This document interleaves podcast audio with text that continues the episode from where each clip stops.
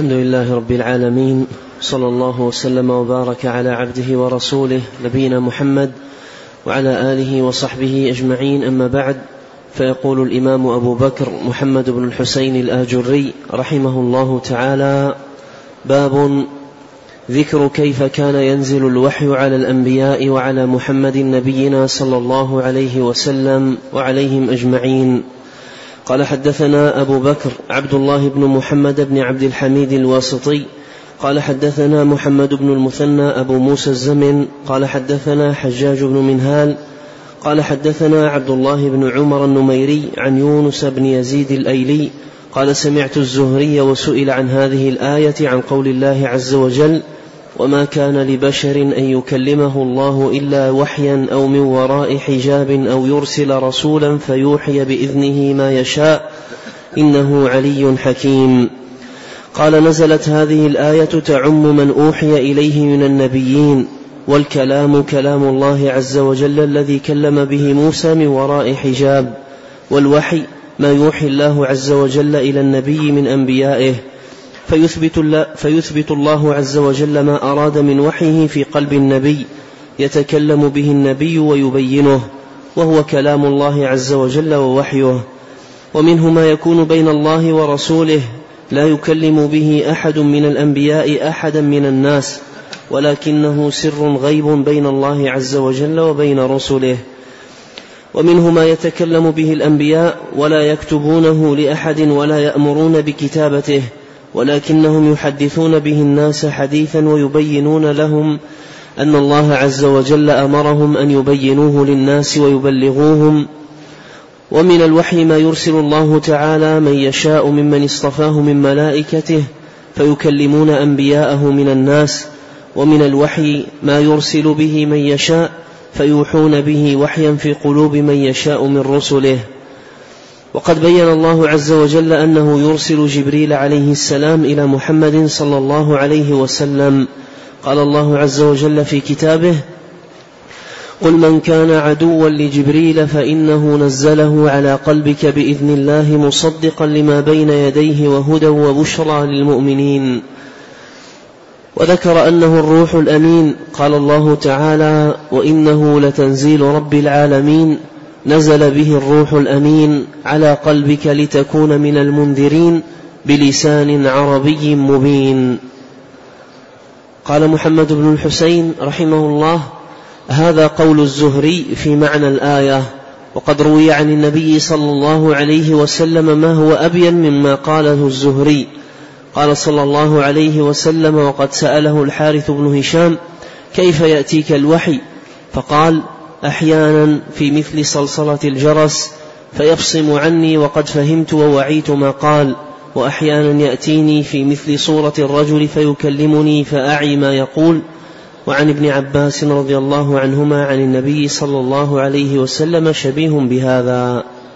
قال وحدثنا أبو بكر عبد الله بن عبد الحميد الواسطي قال حدثنا يعقوب بن إبراهيم الدورقي قال حدثنا محمد بن عبد الرحمن الطفاوي عن هشام بن عروة عن أبيه عن عائشة رضي الله عنها قالت سأل الحارث بن هشام النبي صلى الله عليه وسلم كيف يأتيك الوحي؟ فقال أحيانا في مثل صلصلة الجرس فيفصم عني وقد فهمت ووعيت ما قال. وأحيانا في مثل صورة الرجل فيكلمني فأعي ما يقول. قال حدثنا إسحاق بن أبي حسان الأنماطي قال حدثنا هشام بن عمار الدمشقي قال حدثنا خالد بن عبد الرحمن قال حدثنا إبراهيم بن عثمان عن الحكم بن عتيبة عن, عن مقسم عن ابن عباس رضي الله عنهما عن النبي صلى الله عليه وسلم قال من الأنبياء من يسمع الصوت فيكون بذلك نبيا. وكان منهم من ينفث في أذنه وقلبه فيكون بذلك نبيا. وإن جبريل عليه السلام يأتيني فيكلمني كما يكلم أحدكم صاحبه. بسم الله الرحمن الرحيم. الحمد لله رب العالمين. وأشهد أن لا إله إلا الله وحده لا شريك له. وأشهد أن محمدا عبده ورسوله صلى الله وسلم عليه وعلى آله وأصحابه أجمعين. اللهم علمنا ما ينفعنا وانفعنا بما علمتنا وزدنا علما وأصلح لنا شأننا كله ولا تكلنا إلى أنفسنا طرفة عين. اللهم فقهنا في الدين ووفقنا لاتباع هدي نبيك الكريم صلى الله عليه وسلم. أما بعد قال المصنف الإمام الآجري رحمه الله تعالى باب ذكر كيف كان ينزل الوحي على على الأنبياء وعلى محمد نبينا صلى الله عليه وسلم وعليهم أجمعين. هذه الترجمة عقدها رحمه الله تعالى لبيان مقامات الوحي أو أحوال الوحي. وأن وحي الله عز وجل المنزل على أنبيائه ورسله الكرام عليهم صلوات الله وسلامه عليه يأتي على أحوال. وقد ذكرت هذه الأحوال جملة في قول الله سبحانه وتعالى وما كان لبشر أن يكلمه الله إلا وحيا أو من وراء حجاب أو يرسل رسولا فيوحي بإذنه ما يشاء إنه علي حكيم. ففي هذه الآية ذكر الله سبحانه وتعالى أحوال الوحي وأنه يأتي على أحوال. وذكر العلماء رحمهم الله تعالى في كتب التفسير أن هذه الآية جاءت ردا على الكفار المشركين في قولهم لولا يكلمنا الله لولا يكلمنا الله أو تأتينا آية. فبين الله عز وجل أن وحيه لا يكون لكل الناس ولا يتنزل على كل الناس وإنما يختص به سبحانه وتعالى صفوة الناس وخيارهم وأفضلهم وهم من اجتباهم واصطفاهم تبارك وتعالى على العالمين فخصهم بنزول وحيه عليه. لا أن الوحي ينزل على كل أحد بل نزول الوحي إنما هو خاص بالصفوة من عباد الله. الله يصطفي من الملائكة رسلا ومن الناس. هؤلاء الصفوة هم من ينزلون هم من ينزل عليهم وحي الله تبارك وتعالى. وبين جل وعلا أن نزول وحيه عليهم يأتي على أنحاء أو على أحوال كما هي مبينة في هذه الآية. قال وما كان لبشر أن يكلمه الله إلا وحيا. وما كان لبشر أن يكلمه الله إلا وحيا. قوله إلا وحيا أي بأن يلقى الوحي. في قلب الرسول أن يلقى الوحي في قلب الرسول من غير إرسال ملك يلقى في قلبه الوحي وينفث في روعه. هذه حال. الحالة الثانية أو من وراء حجاب أي أن الرسول يسمع كلام الله من الله بلا واسطة يسمعه من الله سبحانه وتعالى بلا واسطة ويكون من وراء حجاب مثل ما كلم الله سبحانه وتعالى موسى عليه السلام. قال الله تعالى وكلم الله موسى تكليما. فسمع موسى عليه السلام كلام الله ووحيه من الله. سمع كلام الله من الله تبارك وتعالى بلا واسطة ولهذا يقال له موسى الكليم عليه السلام لأنه سمع كلام الله من الله. قال أو من وراء حجاب أي يكلمه كلاما منه إليه بلا واسطة من وراء حجاب من وراء حجاب. هذا نوع. النوع الثالث قال أو يرسل رسولا. أو يرسل رسولا فيوحي بإذنه ما يشاء.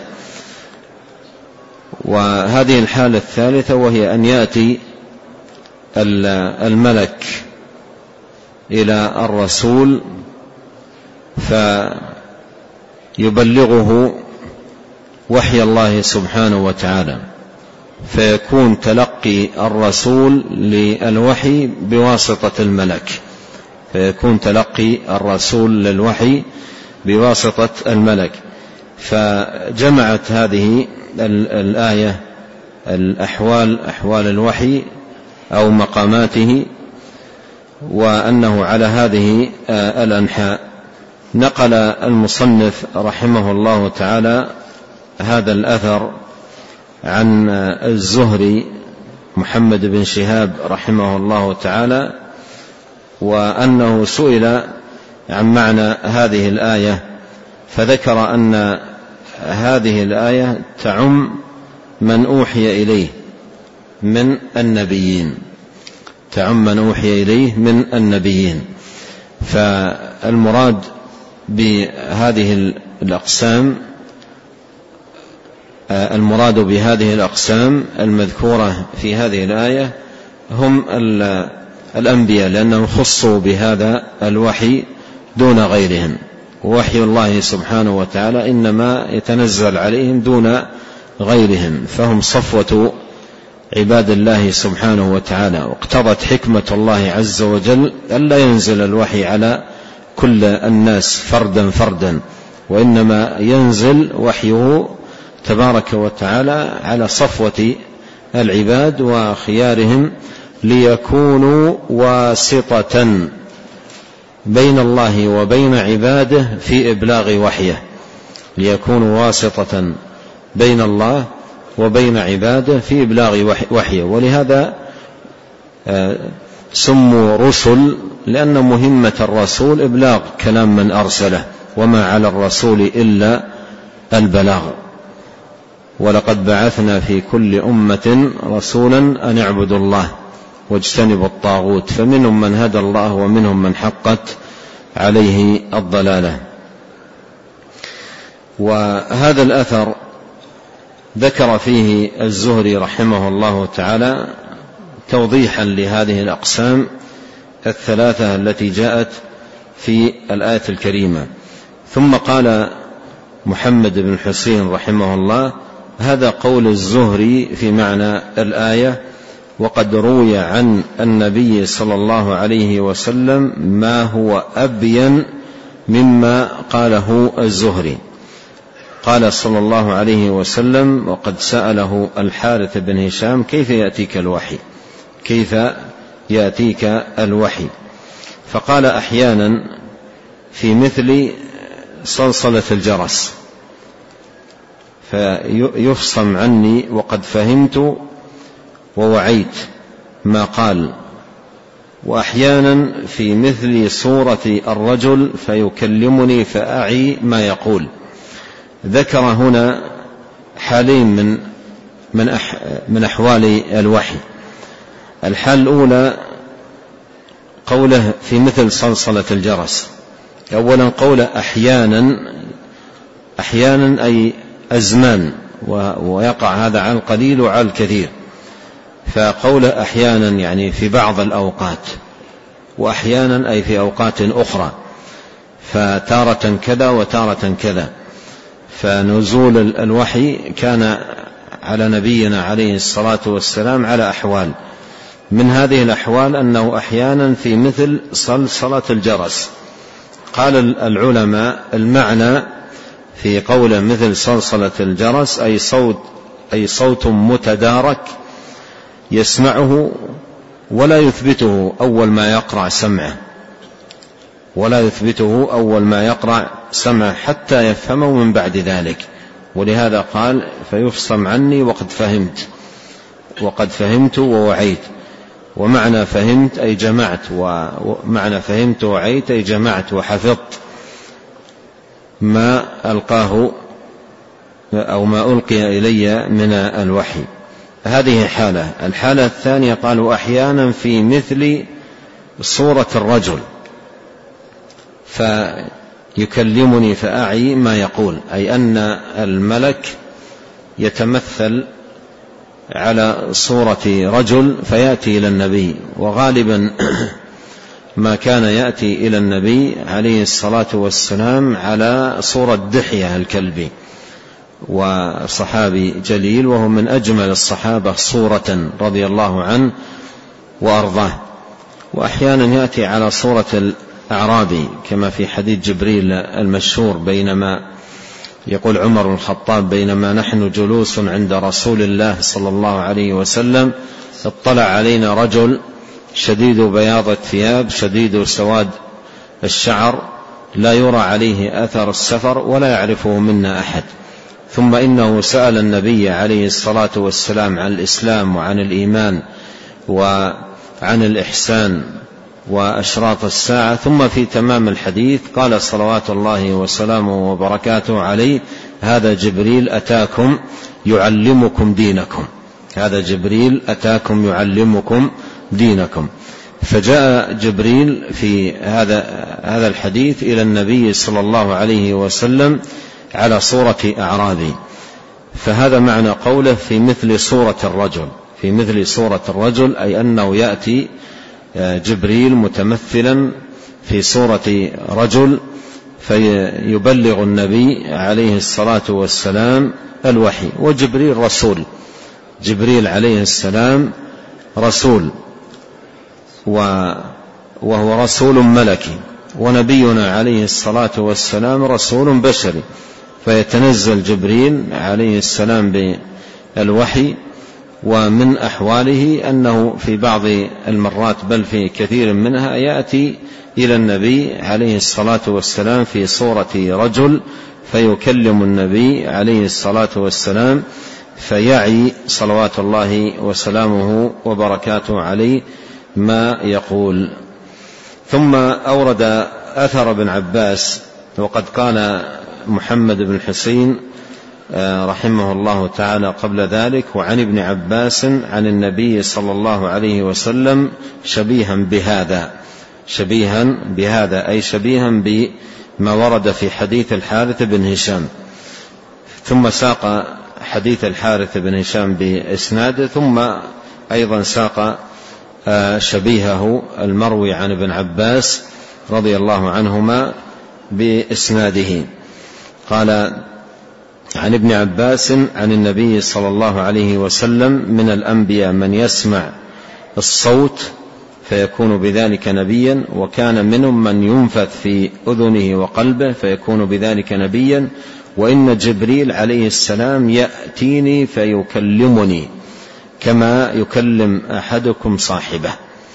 قوله وإن جبريل عليه السلام يأتيني فيكلمني كما يكلم أحدكم صاحبه أي يأتيني على صورة رجل. يأتيني على صورة رجل. وهذا في الأغلب ليست هذه كل أحوال الوحي التي كان يتنزل فيها الوحي على نبينا صلوات الله وسلامه عليه ولكن هذه أغلب أحوال الوحي أن جبريل يأتي إلى النبي عليه الصلاة والسلام ويكلمه كما يكلم أحدنا صاحبه أن يقف أمامه أو يجلس عنده. في قصة جبريل لما جاء على صورة أعرابي جلس إلى النبي عليه الصلاة والسلام وأسند ركبتيه إلى ركبتيه وضع كفيه على فخذيه. فكان يكلم النبي عليه الصلاة والسلام كما يكلم أحدنا صاحبه وهذا في الغالب هذا في الغالب. ومن وللنزول الوحي على نبينا عليه الصلاة والسلام أحوال أخرى دلت عليها الأحاديث. وهذا الأثر عن ابن عباس يفيد ما دلت عليه الآية وهو التفاضل بين الأنبياء. تفاضل بين الأنبياء حتى في النبوة وأيضا نزول الوحي. ف وقد قال الله سبحانه وتعالى ولقد فضلنا بعض النبيين على بعض. ولكن الإسناد إسناد هذا الأثر عن ابن عباس ضعيف جدا لأن في إسناده رجل متروك الحديث. في إسناد رجل متروك الحديث وهو إبراهيم بن عثمان. هذا متروك الحديث ولهذا الإسناد غير ثابت. وهو مثل ما قال الإمام الأجري شبيه بحديث شبيه بحديث الحارث بن هشام عن النبي صلى الله عليه وسلم في سؤاله له كيف كان يأتيك الوحي. نعم. قال رحمه الله تعالى حدثنا أبو أحمد هارون بن يوسف قال حدثنا محمد بن أبي عمر العدني قال حدثنا سفيان عن مجالد عن الشعبي عن أبي سلمة بن عبد الرحمن قال سمعت عائشة رضي الله عنها تقول رأيت رسول الله صلى الله عليه وسلم واضعا يده على معرفة فرس قائما يكلم دحية الكلبي. قالت فقلت يا رسول الله رأيتك واضعا يدك على معرفة فرس قائما تكلم دحية الكلبي. قال وقد رأيته؟ قلت نعم. قال فذلك جبريل عليه السلام وهو يقرئك السلام. فقلت وعليه السلام ورحمة الله وبركاته. جزاه الله خيرا من صاحب ودخيل فنعم الصاحب ونعم الدخيل. ثم أورد رحمه الله تعالى هذا الحديث عن أم المؤمنين عائشة رضي الله عنها وفيه ما تقدم أن جبريل كان يأتي إلى النبي عليه الصلاة والسلام في بعض الأحيان أو في كثير من الأحيان على صورة رجل على صورة رجل مثل ما تقدم معنا في حديث الحارث قال وأحيانا في مثل صورة الرجل فيكلمني. فمن ذلكم أنه كان يأتي على صورة دحية الكلبي ودحية صحابي آه، جليل وذكر في ترجمته رحمه الله تعالى أنه كان من أجمل الصحابة صورة رضي الله عنه وعن الصحابة أجمعين. تقول آه، أم المؤمنين عائشة رضي الله عنها رأيت رسول الله صلى الله عليه وسلم يضع يده على معرفة فرس قائم. يكلم دحية الكلب ومعرفة الفرس هي منبت العرف عرف الفرس فوق الرقبة فواضعا يده على معرفة الفرس عليه الصلاة والسلام. يكلم دحية دحية الكلب كانت تظن أنه دحية لأنه كان يأتي على صورته. تظن أنه دحية وهو جبريل عليه السلام فكان يأتي على صورة دحية الكلب قالت ولهذا قالت يكلم دحية الكلب قالت فقلت يا رسول الله رأيتك واضعا يدك على معرفة فرس قائما تكلم دحية الكلب تكلم دحية الكلب قال وقد رأيته؟ قالت نعم. قال ذلك جبريل. قال قال قال عليه الصلاة والسلام ذلك جبريل يعني ليس دحية. فهذا يعني يفيد أنه كان يأتي على صورة دحية تماما حتى إن عائشة رضي الله عنها آه، آه، ظنت أنه كان عليه الصلاة والسلام يكلم دحية الكلب فبين عليه الصلاة والسلام أن من رأته ليس دحية وإنما هو جبريل عليه السلام قد أتى على صورة دحية. الكلب. قال فذلك جبريل عليه السلام وهو يقرئك السلام. يقرئك السلام. فردت قالت وعليه السلام ورحمة الله وبركاته. وعليه السلام ورحمة الله وبركاته. جزاه الله خيرا من صاحب ودخيل. صاحب معروف معناها. ودخيل أي من يخالط الناس. ويداخلهم ويصبح رفيقا وصاحبا ملازما. قال قال قال جزاه الله خيرا من صاحب ودخيل فنعم الصاحب ونعم الدخيل. نعم. قال رحمه الله تعالى وحدثنا عمر بن أيوب السقطي قال حدثنا أبو همام الوليد بن شجاع قال حدثنا ابن وهب قال أخبرني عبد الله بن عمر عن عبد الرحمن بن القاسم عن أبيه عن عائشة رضي الله عنها أنها قالت رأيت رجلا يوم الخندق على صورة دحية الكلبي على دابة يناجي رسول الله صلى الله عليه وسلم وعليه عمامة سوداء قد أسدلها خلفه. فسألت رسول الله صلى الله عليه وسلم فقال ذاك جبريل أمرني أن أخرج إلى بني قريظة. ثم أورد هذا الحديث عن عائشة رضي الله عنها في بمعنى ما ما قبله في رؤيتها لجبريل وقد أتى إلى النبي عليه الصلاة والسلام على صورة دحية. قالت رأيت رجلا يوم الخندق على صورة دحية الكلب على دابة يناجي رسول الله صلى الله عليه وسلم وعليه عمامة سوداء قد أسدلها خلفه قد أسدلها خلفه. هنا انتبه لعظيم قدرة الله سبحانه وتعالى. جبريل صورته الحقيقية. رآه النبي صلى الله عليه وسلم عليها مرتين. مرة رآه وقد سد الأفق لعظم خلقه. سد الأفق يعني ما يرى الأفق أفق السماء لأن عظم خلق جبريل عليه السلام سد الأفق. ثم هذا الجسم الضخم الذي بهذا الكبر وهذه السعة بقدرة الله سبحانه وتعالى يتمثل في صورة رجل. يتمثل في صورة رجل. مثل ما جاء أيضا في قصة مريم فتمثل لها بشرا سويا. فيتمثل في صورة رجل سوي سواء بسواء على صفة الرجل. وهذا من عظيم قدرة الله. هذا الذي بهذا العظم في خلق جسمه وكبره واتساعه يتمثل في صورة رجل. فرأته رضي الله عنها وقد أتى إلى النبي عليه الصلاة والسلام في صورة دحية يناجي وعليه عمامة سوداء قد أستلها خلفه. ومر معنا في مجيئه على صفة أعرابي. دخل رجل شديد بياض الثياب يعني عليه ثياب بيض. ف وشعره أسود ولا يرى عليه أثر السفر.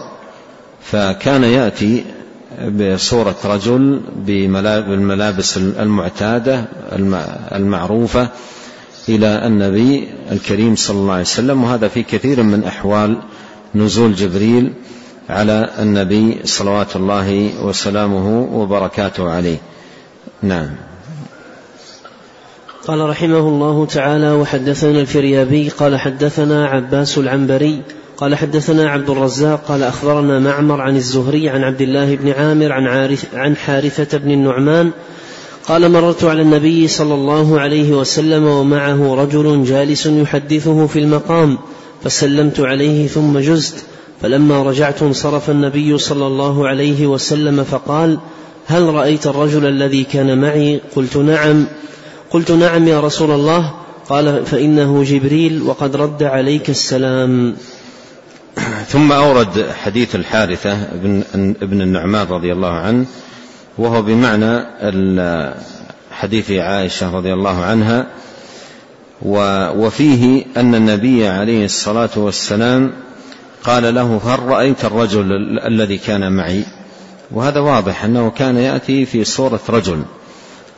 في صورة رجل الصورة المعهودة المعروفة تماما. فتمثل لها بشرا سويا. فيأتي على صورة رجل صورة مطابقة تماما لصورة الرجل. ولهذا قال هل رأيت الرجل الذي كان معي؟ ولما مر به الحارثة أو حارثة بن النعمان رضي الله عنه لما مر به ما استنكر شيء ما استغرب شيء مر على النبي صلى الله عليه وسلم وعنده رجل. ولولا أن النبي عليه الصلاة والسلام أخبره أن ذلك جبريل لما وقع في نفسه إلا أن الذي كان مع النبي صلى الله عليه وسلم رجل من الرجال وليس ملك من الملائكة. قال فإنه جبريل وقد رد عليك السلام لأن الحارثة لما مر بالنبي عليه الصلاة والسلام سلم عليه وعلى الرجل الذي معه فأخبره النبي عليه الصلاة والسلام أن جبريل رد عليه السلام. نعم. قال رحمه الله وجبريل عليه السلام من أسمائه روح القدس. من أسمائه روح القدس. نزل به الروح الأمين. ويسمى جبريل عليه السلام روحا لأنه ينزل بالروح. وكذلك أوحينا إليك روحا من أمرنا. والوحي يسمى روحا لأن حياة القلوب لا تكون إلا به. لا تكون إلا به. فالوحي يسمى روحا لأن الحياة الحقيقية لا تكون إلا بهذا الوحي. يا أيها الذين آمنوا استجيبوا لله وللرسول إذا دعاكم لما يحييكم. فالحياة الحقيقية لا تكون إلا بالروح الذي هو الوحي. ولما كان جبريل عليه السلام ينزل بهذا الروح سمي أيضا روحا. لأنه ينزل بالروح الذي هو الوحي. نعم. وإنه لتنزيل رب العالمين نزل به الروح الأمين. تنزل الملائكة والروح فيها. نعم. قال رحمه الله تعالى وحدثنا أبو شعيب عبد الله بن الحسن الحراني قال حدثنا عبد الله بن جعفر الرقي قال حدثنا عبيد الله يعني بن عمرو عن إسحاق بن راشد عن الزهري عن عروة وسعيد بن المسيب وعلقمة بن وقاص وعبيد الله بن عبد الله كلهم عن عائشة رضي الله تعالى عنها. قصة حديث الإفك بطوله إلى قولها فاضطجعت على فراشي والله يعلم إني بريئة والله يبرئني ببراءتي ولكن لم أكن أرجو أن ينزل الله عز وجل في شأني وحيا يتلى. لشأني أحقر في نفسي من أن يتكلم الله عز وجل في بأمر يتلى. ولكن كنت أرجو أن يري, أن يري الله عز وجل رسوله صلى الله عليه وسلم في منامه رؤيا يبرئني الله عز وجل بها. قالت فوالله ما رام رسول الله صلى الله عليه وسلم من مجلسه ولا خرج أحد من أهل البيت حتى أنزل الله عز وجل عليه فأخذه ما كان يأخذه من البرحاء حتى إنه لينحدر منه مثل الجمان من العرق في اليوم الشاتي من ثقل القول الذي ينزل عليه. قالت فلما سري عن رسول الله صلى الله عليه وسلم وهو يضحك وكان أول كلمة تكلم بها أن قال أما الله عز وجل فقد برأك. وذكرت قصة نزول الآيات في الرد على وذكرت قصة وذكر وذكرت قصة نزول الآيات في الرد على أهل الإفك وذكر الحديث إلى آخره. نعم وذكر قصة. وذكر قصة نزول الآيات في الرد على أهل الإفك وذكر الحديث إلى آخره. نعم ختم رحمه الله تعالى هذا الباب بطرف من قصة أو حديث الإفك. هو حديث آه، طويل مخرج في الصحيحين وغيرهما. في نزول براءة أم المؤمنين عائشة رضي الله عنها في الإفك الذي رميت به. وكانت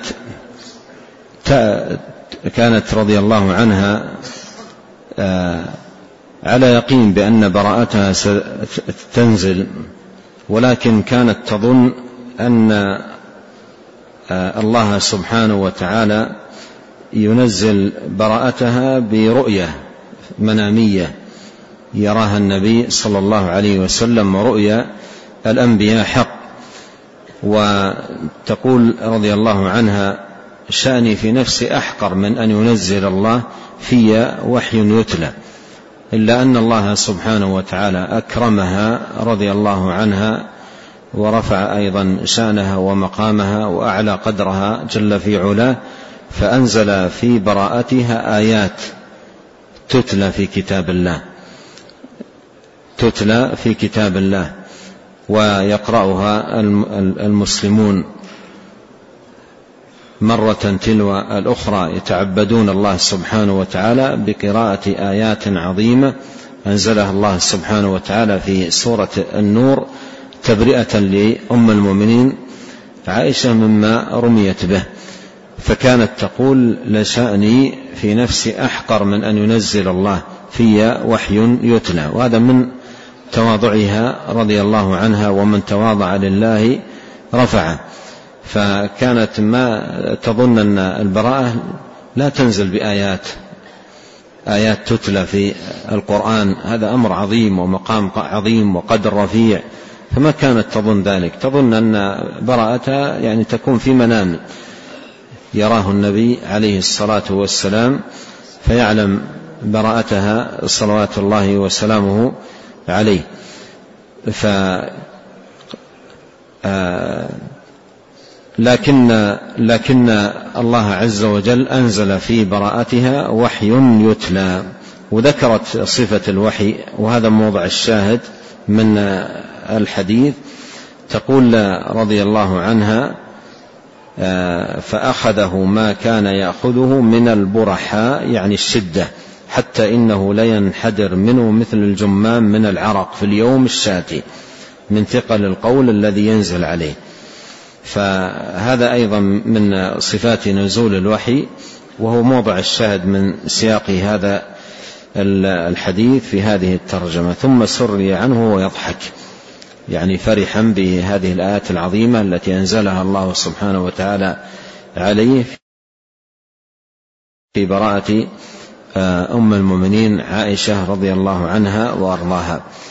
وقد اتفق العلماء رحمهم الله تعالى على أن من قذف أم المؤمنين عائشة بما برأها الله سبحانه وتعالى منه في آيات تتلى في كتاب الله بأنه كافر بأنه كافر ليس بمسلم.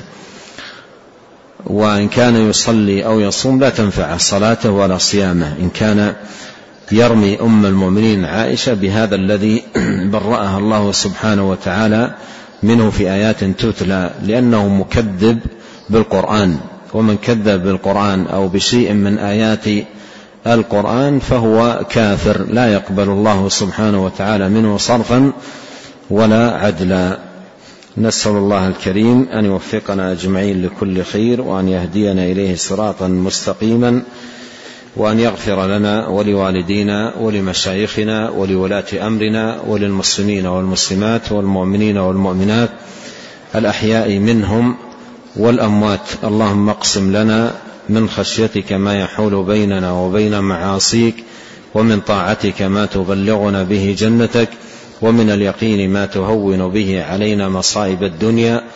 اللهم متعنا بأسماعنا وأبصارنا وقوتنا ما أحييتنا واجعله الوارث منا واجعل ثأرنا على من ظلمنا وانصرنا على من عادانا. ولا تجعل مصيبتنا في ديننا ولا تجعل الدنيا أكبر همنا. ولا مبلغ علمنا ولا تسلط علينا من لا يرحمنا.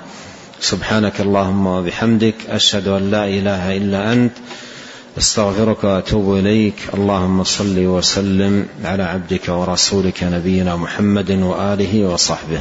جزاكم الله خيرا.